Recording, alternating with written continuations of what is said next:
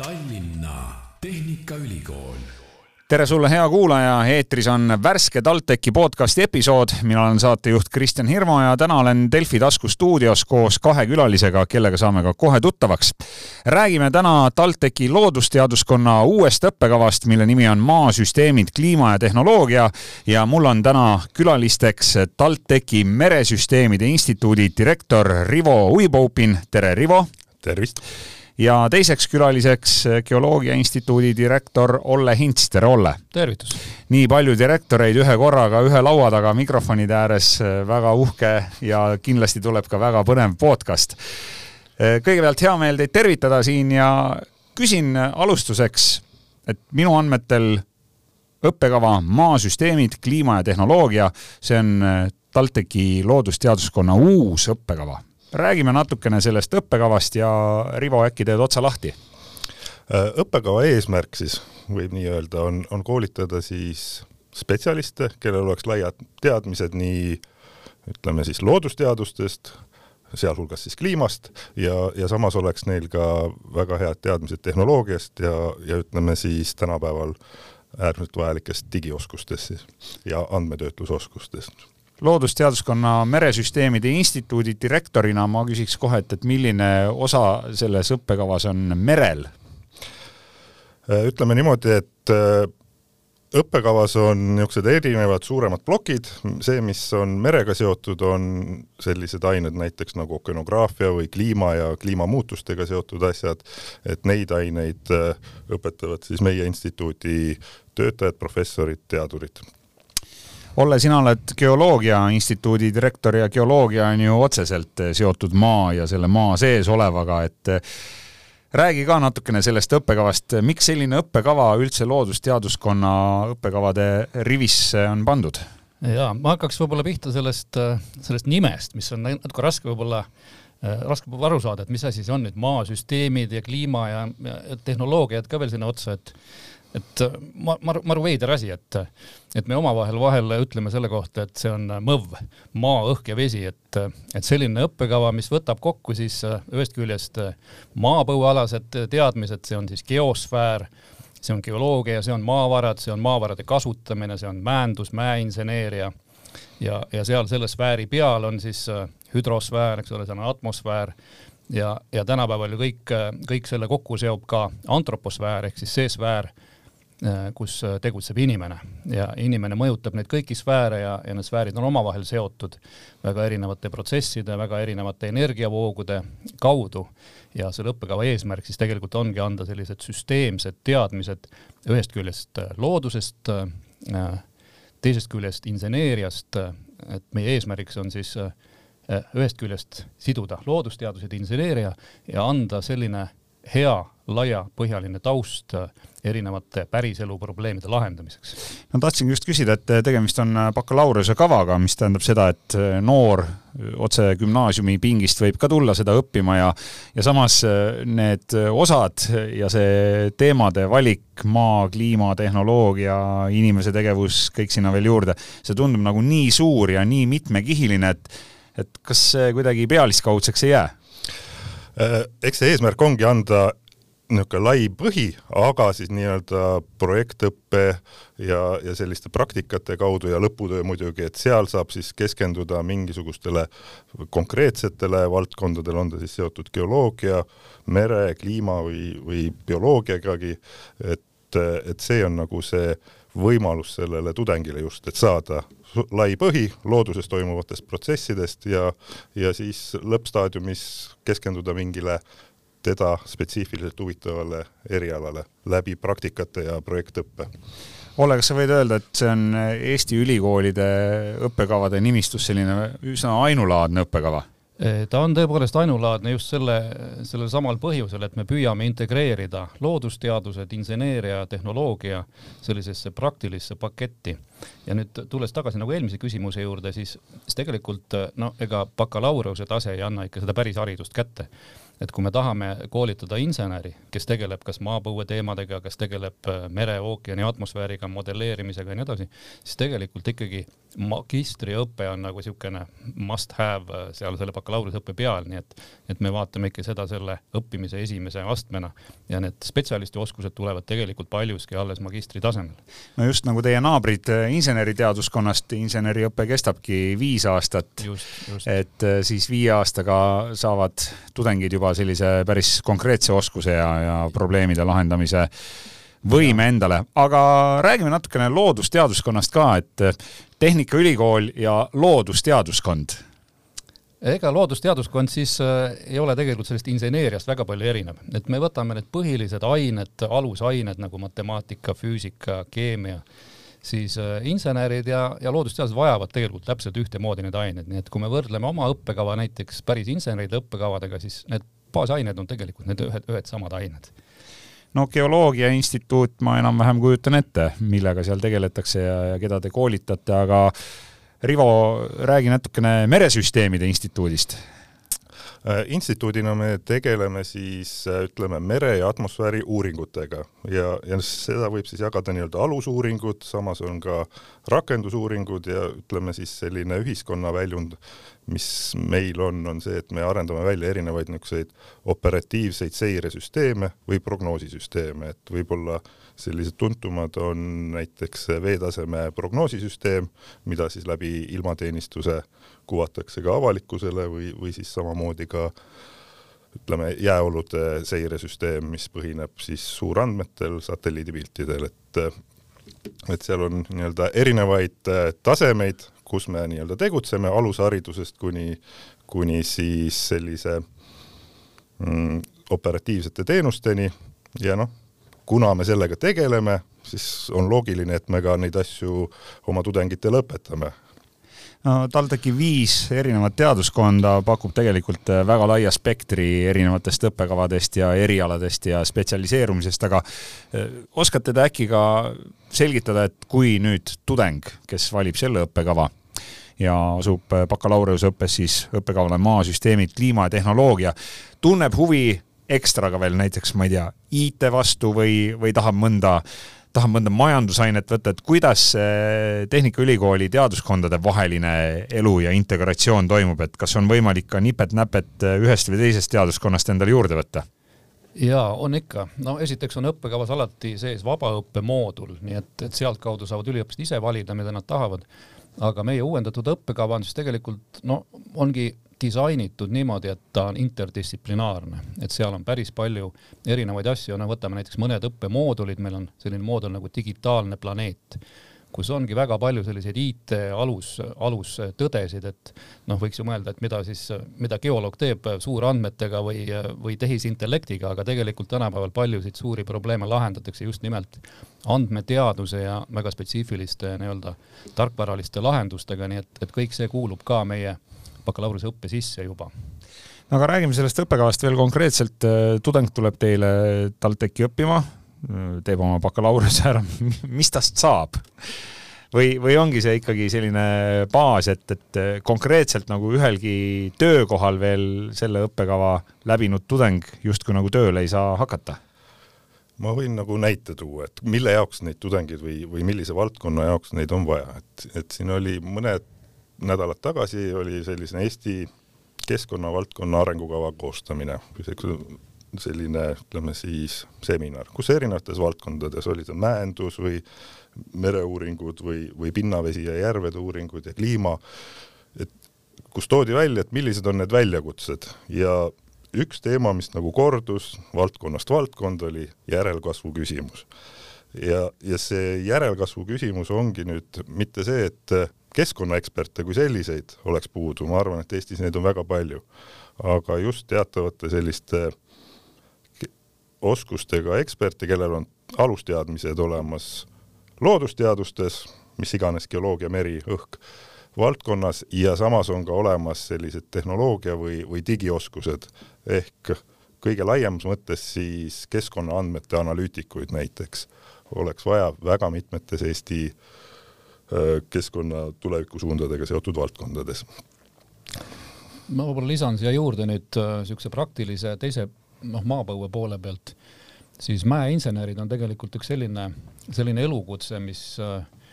noh, võib-olla esimese hooga ei tundu väga atraktiivne, et mis see kaevur, eks ole, aga noh, tegelikult ei ole see üldse kaevur, vaid mäeinsener on ikkagi see, kes projekteerib asju, kes, kes planeerib asju,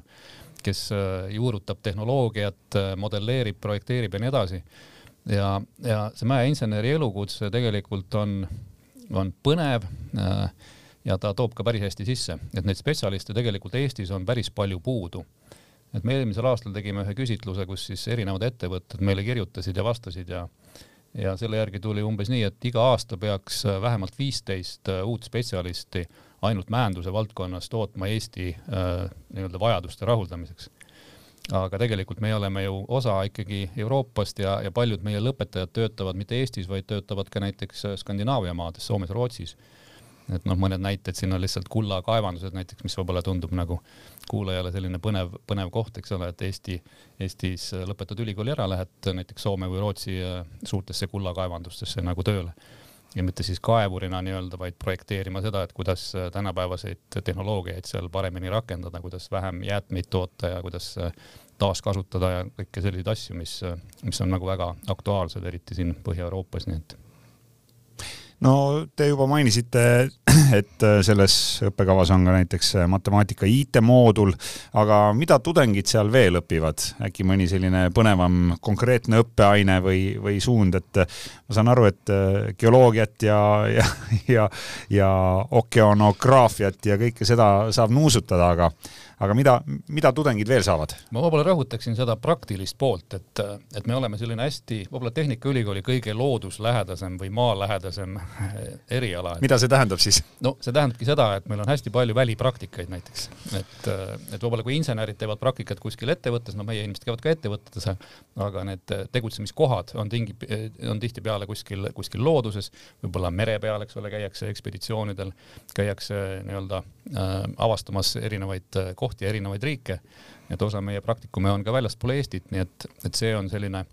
nii-öelda noh, sageli üks põhjus, miks tullakse neid maateadusi õppima, et see on põnev, saab reisida palju, saab käia, avastada uusi huvitavaid kohti, et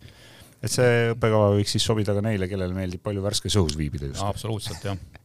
et, et siin ma võib-olla täiendaks, et nagu paar sellist näidet tuua, et mis, mis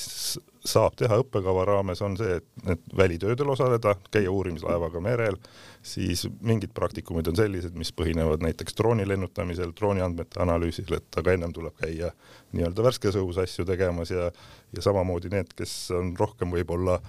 bioloogia ja ökoloogia huviga, et saavad näiteks äh, vee kvaliteediga või mereprügi uuringutega tegeleda, et et see spekter, millega tegeleda nii merel kui, kui maal või õhus, on, on väga lai. No kliima on tegelikult ju üks äh, väga suur teema, millest äh, viimasel ajal hästi palju räägitakse ja räägitakse sellest ka, kuidas inimene on seda kliimat siin viimaste aastakümnete jooksul mõjutanud ja ja rohepööre, see on osade jaoks natukene nagu selline sõimusõna, aga aga ma usun, et kõik need kliimaga seotud muutused käivad ka tegelikult justkui läbi selle õppekava, et mida te seal õpetate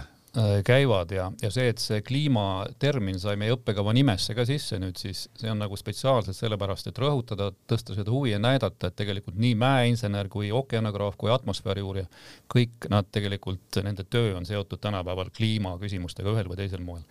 ja noh, kliimast rääkides peab rõhutama seda muidugi, et, et siin on kaks aspekti, üks on see, et, et kuidas me nii-öelda kliimamuutusi leevendame või vähendame seda süsiniku jalajälge ja kõike seda, püüdleme sinna kliimaneutraalsuse poole aga teine aspekt on ikkagi see, et me peame õppima äh, hakkama saama nende muutustega, nende kliimamuutustega, nende kliimamõjudega, mis igal juhul on olemas. Need ei kao kuhugile, isegi kui me nii-öelda süsinikuemissioonid äh, nulli keeraksime nagu üle, üleöö, siis äh, me peame ikkagi arvestama sellega, et, et elu läheb äh, planeedil keerulisemaks. et kõik muutub, ta on muutunud läbi pika geoloogilise ajaloo, et minu enda taust on tegelikult seotud kliimauuringutega hoopis sadade miljonite aastate taga, aga tegelikult need protsessid, need tegurid, mis kliimat mõjutavad täna, olid samasugused sadu miljoneid aastaid tagasi, nii et, et uurides minevikku, me saame ka teha järeldusi selle kohta, et, et mis meid tulevikus ootab. jah, ma, ma ütleks siis niipidi, et et kui jutt juba rohepöörde peale läks, ütleme siis niimoodi, et tegelikult kliimauuringutest kasvaski välja see rohepööre nii-öelda, et põhjus on selles, et kliimauurijad kõigepealt leidsid, et asi hakkab nagu kehvaks minema. me saime, saime teada tänu neile, et kui kehv olukord ja, tegelikult ja on. ja nüüd, nüüd on poliitilisel tasemel jõutud sinnamaani, et siis nüüd, nüüd on suurte sõnadega nimetatud seda asja nüüd rohepöördeks ja hakkame tegema taastuvenergeetika revolutsioone ja, ja kõike muud sellist, et, et selles mõttes need ütleme siis niimoodi, et selle õppekavaga tegelevad tudengid, et nemad on siis ütleme, pioneerid. kui palju üldse ajaloo jooksul inimeste teadmised, ma ei tea, kas nendest samadest maasüsteemidest või maapõuest ja, ja kliimast ja, ja merest, kui palju need üldse on arenenud? kui me võrdleme näiteks täna ja sada aastat tagasi, ilmselt on see samm üüratult pikk. jah, see on, tuleneb, ma ütleks niimoodi, tehnoloogia arengust, et kui sada aastat tagasi me mõõtsime ühes punktis mingi aja tagant vaatasime, et mis keskkonnas juhtub, siis tänapäeval meil on ikkagi pidev mõõtejaamad, et meri ja rannik on näiteks mõõtejaamasid täis või ilmajaamasid täis, kosmos on satelliite täis ja, ja kõiki neid andmeid nii-öelda kokku tuua ja tekitada sellest informatsioon, mille põhjal me siis saame otsuseid teha või, või tavainimesele midagi väärtuslikku luua. et see on nagu see, ütleme, väljakutse võib-olla. Et inglise keeles on selline termin nagu data rich, information poor, et nagu ma kirjeldaks seda olukorda praegu selliselt, andmeid on meeletus koguses, aga nüüd on vaja neid spetsialiste, inimesi, on ta merel, maal, õhus, mis valdkonnas, kes andmetest tekitavad informatsiooni, tekitavad selle lisandväärtuse, mis on äh, ühiskonnale siis kasulik milliseid läbilööke või tehnoloogilisi uuendusi või läbimurdeid üldse selles valdkonnas veel näha võib, võtame kas või siis see, mis puudutab meie maailma merd ja ookeane, et, et kui, kui sellest uurimisest rääkida, siis kindlasti teadlased ja leiutajad igapäevaselt ju mõtlevad, et, et saaks asja veel ägedamalt ja täpsemini ja paremini teha, et, et on sul, Rivo, äkki mõni selline eriti uus lahe tehnoloogia ka kuskil silma jäänud, mille kallal töö käib? No kui ma nii, nii palju visionäär oleks, siis, siis ma oleks kuskil mujal ja ja, ja suuremate summade peal ilmselt. et aga, aga praegu nii-öelda, kus suunas see asi liigub, ongi siis see, et teha nendest andmetest informatsioon ja see ütleme siis metoodika, mis praegu on kuum, on ikkagi masinõpe ja, ja tehisintellekt. et mingites kontekstides see on võib-olla natuke ära leierdatud, aga, aga sellele terminile nii-öelda see õige sisu leida, et siis sealt on oodata äh, selliseid, ütleme siis niimoodi, uusi lahendusi. Olle, kas äh, maapõue ja geoloogia osas on äh, seis sama, et, et on hästi palju andmeid ja neid on vaja analüüsida ja leida sealt siis nii-öelda need maasikad, mida, mida kasutada või, või on sinu valdkonnas mingeid veel ägedamaid uusi tehnoloogilisi läbimurdeid? no ütleme nii, et saja aastaga tõepoolest on ikka päris palju juhtunud nii, nii teaduse poole pealt kui, kui, kui selle praktilise ellurakendamise poole pealt. No üks asi, mis, mis on võib-olla viimased aastakümned on nagu, nagu natuke teistmoodi vaade, on just nimelt see maasüsteemid et me püüame üha rohkem vaadata, kuidas asjad omavahel koos töötavad, kuidas need süsteemid omavahel üksteist mõjutavad ja nii edasi. aga mis need süsteemid on siis? no need ongi needsamad, ütleme nii-öelda see füüsikaline süsteem, näiteks noh, geosfäär, eks ole, et kuidas, kuidas geoloogilised protsessid mõjutavad äh, atmosfääri, kuidas biosfäär mõjutab omakorda geoloogilisi protsesse, et need äh, need mõjud on väga-väga mitmekesised. Nad on kõik nagu, seotud omavahel? kõik omavahel seotud, äh, nad tegutsevad erinevates ajaskaalades loomulikult, et geoloogilised tsüklid võivad olla väga pikad aga samal ajal võivad olla teatud juhul ka väga-väga kiired ja katastroofilised. et, äh, et selles mõttes see on kõik selline väga, väga huvitav ja põnev. aga võib-olla rohepöörde juurde korraks tagasi tulles nüüd nagu maapõue äh, vaatest, siis noh, peab aru saama sellest, et loomulikult kõik ju tahaksid sõita elektriautoga ja kasutada nii-öelda süsinikuneutraalset elektrit ja ja kindlasti paljudel ongi see rohe, rohepakett tellitud, aga aga noh, peab aru saama, et kui terve, terve inimkond tahab, tahab üle minna sellele rohelisele tehnoloogiale, siis, siis see ei tule nagu üleöö iseenesest, ta nõuab tegelikult äärmiselt palju äh, ressursse, ressursse just äh, maapõuest eeskätt. et noh, sellest on palju räägitud, kui palju on vaja erinevaid metalle selleks, et teha nii-öelda kõigile autodele elektrivõimekus, eks ole, et et see on kümnetes ja kümnetes kordades, kui palju meil on vaja näiteks liitiumit selleks, et, et nii-öelda transpordisektoris tõesti see rohepööre ära teha. geoloogidena me teame väga hästi, et, et seda ressurssi sellise ajaraamistikuga terve maailma jaoks võtta ei ole et jah, tõepoolest Norra läheb üle äh, süsinikuneutraalsele majandusele. Eesti võib ka minna, Tehnikaülikool kindlasti läheb aastaks kakskümmend kolmkümmend viis üle oma campuses äh, süsinikuneutraalsusele, aga see ei tähenda seda, et terve maakera oleks päästetud, et siin on väga palju tegelikult neid väljakutseid ja ka meie õppekava äh, lõpetajad kindlasti saavad olema need inimesed, kes neid probleeme, neid väljakutseid tegelikult äh, vastu võtavad, neid üritavad lahendada järgnevatel aastatel ja järgnevatel aastakümnetel, et neid, neid tõsiseid probleeme on väga palju. nii et see õppekava on ikkagi ellu kutsutud äh, reaalsest vajadusest tingitult, kuna antud valdkonna spetsialiste on vähe, siis te peate hakkama neid TalTechis koolitama just, ja neid on vähe tegelikult äh, üle maailma. et see ei ole ainult Eesti probleem, see on globaalne. aga oskate öelda ka, et, et miks neid on siis nii vähe või, või on, või on need äh, teemad kuidagi inimkonna jaoks tõusnud olulisele tasemele nii kiiresti, et äh, spetsialistide järelkasv ei ole lihtsalt järgi jõudnud? jah, ütleme niimoodi, et kui kui Euroopa Liidu tasemel näiteks on see rohepöörde temaatika nii mastaapselt käsile võetud, siis on, on ilmselge, et sinna tuleb ka panustada selles inimressursi tekitamise mõttes, et oleks neid äh, spetsialiste, kes neid probleeme, millele Olle siin ka viitas, nii-öelda ma arvan, et esimene asi on, et neid probleeme teadvustaks ja saaks päriselt aru, et mis mingi muutus endaga kaasa toob, mitte ei läheks nii-öelda emotsiooni pealt, et Äh, tumeroheline või, või tumepruun lihtsalt, vaid et see oleks kaalutletud, aru saadud, andmete pealt vaadatud, analüüsitud, arusaam, et vot, mis suunas me liigume, mis ta meile maksma läheb ja, ja kuidas seda siis saavutada niimoodi, et äh, hundid söönud, lambad terved no siin oleks võib-olla paslik tulla, tulla korraks tänasesse päeva ja see maailm, kus me elame nüüd äh, kuu aega täpselt, see on ju midagi muud, kui, kui oli enne seda. ja noh, mis puudutab ka meie äh, noh, nii-öelda õppekava valdkonda, maapõuesektorit, äh, kaugseiret äh, ja nii edasi, selliseid asju, on ikkagi väga-väga lähedalt äh, seotud tegelikult selle sõja olukorraga. Ja, ja tegelikult see on äratanud ju palju poliitikuid ja, ja nii-öelda ühiskonna laiemalt mõtlema selle üle, milline on meie energeetiline julgeolek, milline on meie varustatus materjalidega et kui need äh, nii-öelda kenad, kenad mõtted ja head suhted enam ei toimi, et, et kuidas me siis tegelikult hakkama saame, et, et see nii-öelda Eesti vaatest julgeoleku aspekt on tegelikult äärmiselt oluline ja, ja see puudutab nii äh, noh, ütleme energiasektorit, eks ole, see puudutab väga-väga äh, palju erinevaid asju. no räägime siis korraks Eesti kontekstis ka, et, et milliste erialaga seotud valdkondades siis Eestis on kõige suurem spetsialistide puudus? On tehtud statistikat, keda kõige rohkem vaja oleks? ma, ma võin niisugused paar näidet tuua, et noh, kui, kui siin oli sellest julgeolekupoliitikast juttu, et kuna siin paar aastat või mõned aastad on olnud see paus, kus siis äh, ei ole koolitatud Eestis sünoptikuid, sünoptikuid, kes on spetsialistid, mitte isegi ajada siis ilmatüdrukuga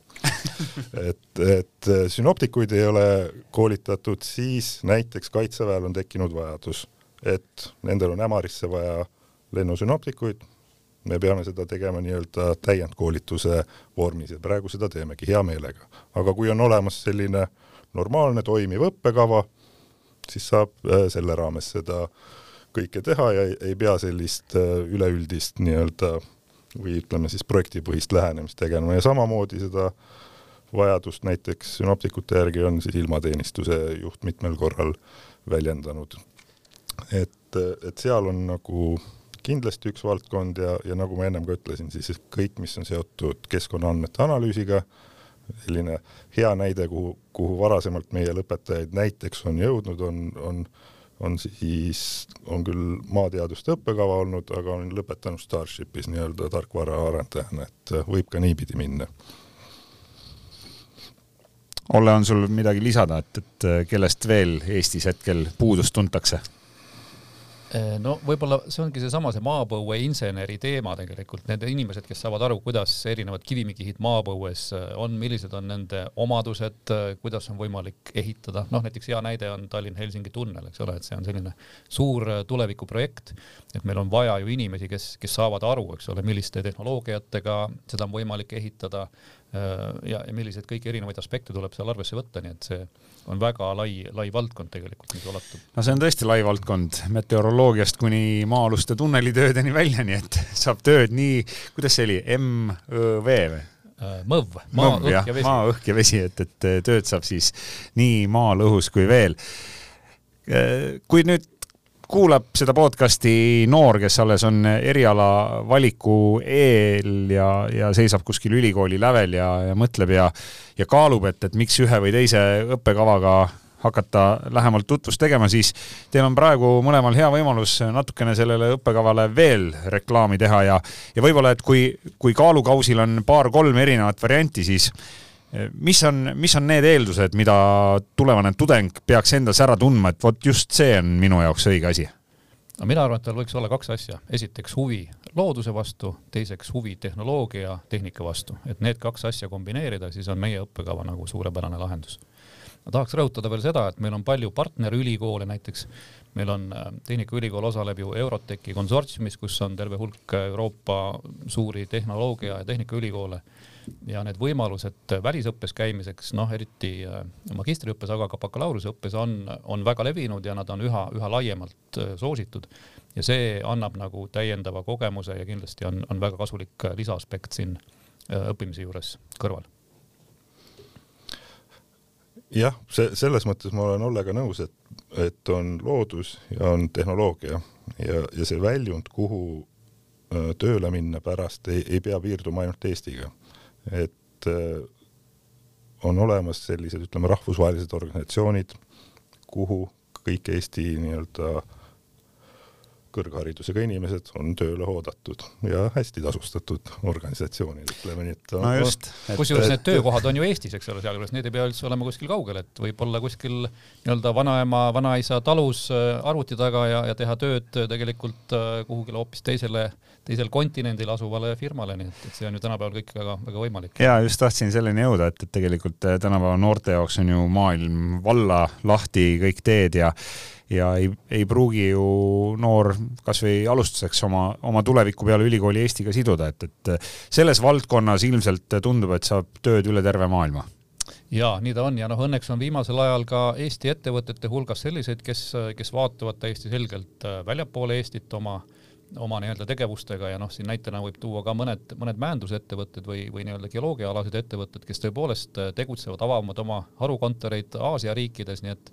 et tegelikult neid kohti, kuhu Eestis äh, väga hea hariduse saanud inimene saab suunduda, kas siis füüsiliselt või, või tehes tööd kuhugile mujale, neid on, neid võimalusi on, on palju ja neid tekib üha juurde. nii et kui noor tunneb, et äh, tal on huvi nii looduse kui tehnoloogia vastu, siis äh, TalTechi loodusteaduskond ja uus õppekava Maasüsteemid, kliima ja tehnoloogia võiks olla see, kuhu nii-öelda avaldus sisse anda. absoluutselt, tere tulemast, kõik on oodatud. ja avalduste sisseandmise, aga ka kõikide õppekavade kohta saab loomulikult informatsiooni Tallinna Tehnikaülikooli kodulehelt ja õppekavadega saab huviline ise tutvuda kodulehel teejuht.taltech.ee ma usun, et äh, sa oled peale tänase podcasti ärakuulamist kindlasti palju targem, nii nagu ka mina ja siinkohal saame me tänada ainult äh, kahte külalist. Äh, Rivo Uiboupin, suur tänu. aitäh kutsumast. ja Olle Hints, samuti aitäh, et tulid podcasti. ja aitäh võimaluse eest. ja soovin TalTechi erinevatele instituutidele ja nende direktoritele siis edu töös ja isiklikus elus vist ka võib juurde lisada. ja suur tänu ka sulle, kes sa kuulasid ära tänase Tallinna Tehnikaülikooli podcasti kõik episoodid on kuulatavad Delfi taskukeskkonnas, Spotify's ja Apple podcastis ning teistes suuremates rakendustes. otsi need üles, hakka jälgijaks ja nii jõuavad kõik uued saated esimesena sinuni. mina olen saatejuht Kristjan Hirmu ja me kuuleme juba järgmises Tallinna Tehnikaülikooli podcastis.